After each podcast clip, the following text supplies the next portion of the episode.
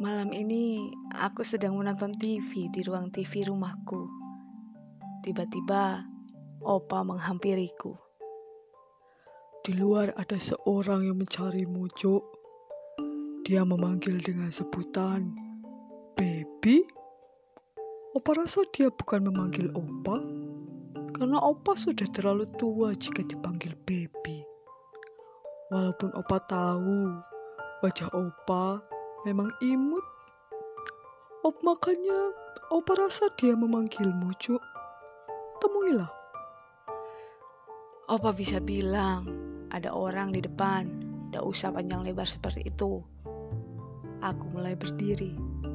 Aku heran, manusia tua ini suka sekali berdialog panjang lebar. Ketika aku berdiri, Opa memegang pundakku. Seseorang itu sungguh mempesona, Cuk. Kira-kira dia suka Opa dah ya? Aku hanya melihat Opa dengan wajah yang mengenaskan. Banyak minum obat kuat, Opa. Biar berdiri Opa tegak. Lalu aku berjalan keluar rumah dan Opa hanya tertawa. Ya, Opa benar. Ada seorang yang kata Opa mempesona sedang memanggil baby. Begitu seorang itu melihatku, dia langsung memelukku erat. Jangan panggil aku seperti itu. Ucapan pertamaku saat dia memelukku dan aku melepas pelukannya. Panggil seperti apa maksud kamu? Berteriak gitu.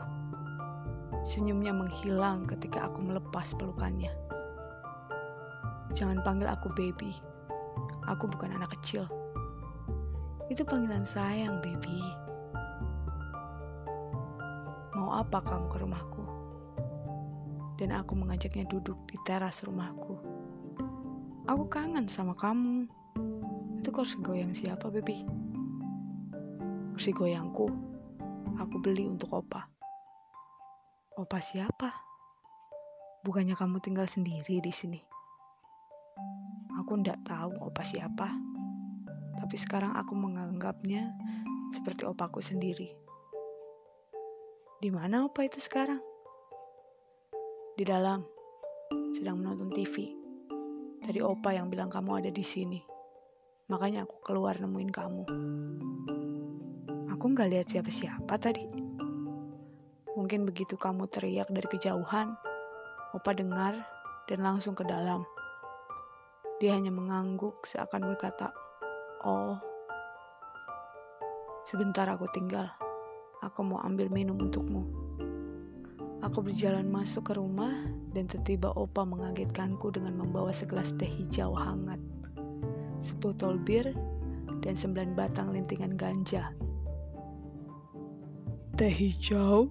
Ini untuk seseorang yang mempesona itu. Dan botol bir dan sembilan linting ganja ini untuk cucuku yang pemabuk. Sempurnakanlah mimpimu, Cuk. Aku tidak mengerti maksud perkataan Opa.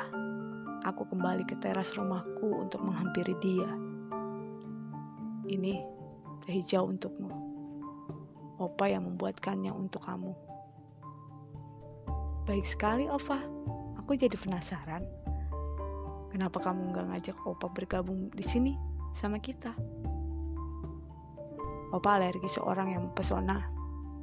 Tubuhnya akan gatal jika melihatmu. Aku berbohong. Mempesona? Iya. Opa bilang kamu mempesona. Aku juga bingung. Mempesona dari mana? Seseorang itu mengambil gelas berisi teh hijau yang opa buat untuknya. Emang menurut kamu aku nggak mempesona? Tidak usah dibahas. Kenapa kamu tiba-tiba di sini? Kamu sadar kan berjalan ke rumahku? Tiba-tiba aku kangen kamu. Selalu seenaknya. Datang begitu saja dan pergi begitu saja. Kamu juga bisa datang kepadaku kapan saja kamu mau. Aku tidak pernah melarangmu menghubungiku, tapi kamu selalu bilang ingin memutuskan semuanya. Gak usah dibahas lagi. Tidak penting. Lalu aku membakar ganja pertamaku. Dia hanya memandangiku selama aku menikmati ganja dan sebotol birku. Jangan melihatku seperti itu. Kalau tidak suka, lebih baik kamu pulang.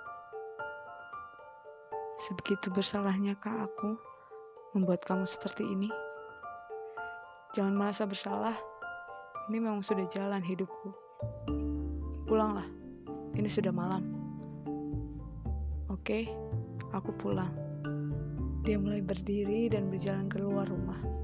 Sedangkan aku masih duduk di kursi teras rumahku. Aku harap kamu bisa memaafkanku. Kita sudah lama berpisah. Aku ke sini hanya ingin memastikan kamu sudah melupakan kita yang dulu. Lalu dia pergi.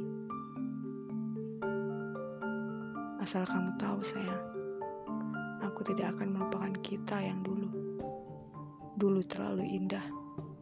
Sampai saat ini, aku belum menemukan yang lebih indah dari kita yang dulu.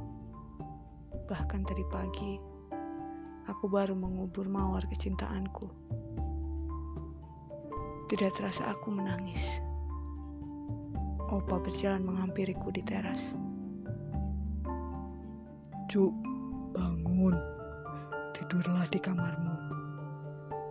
Aku berjalan ke dalam rumahku, menuju kamar tidurku, dan aku tidak menjawab pernyataan Opa. Aku rasa aku sudah tidur terlalu lama di teras rumahku.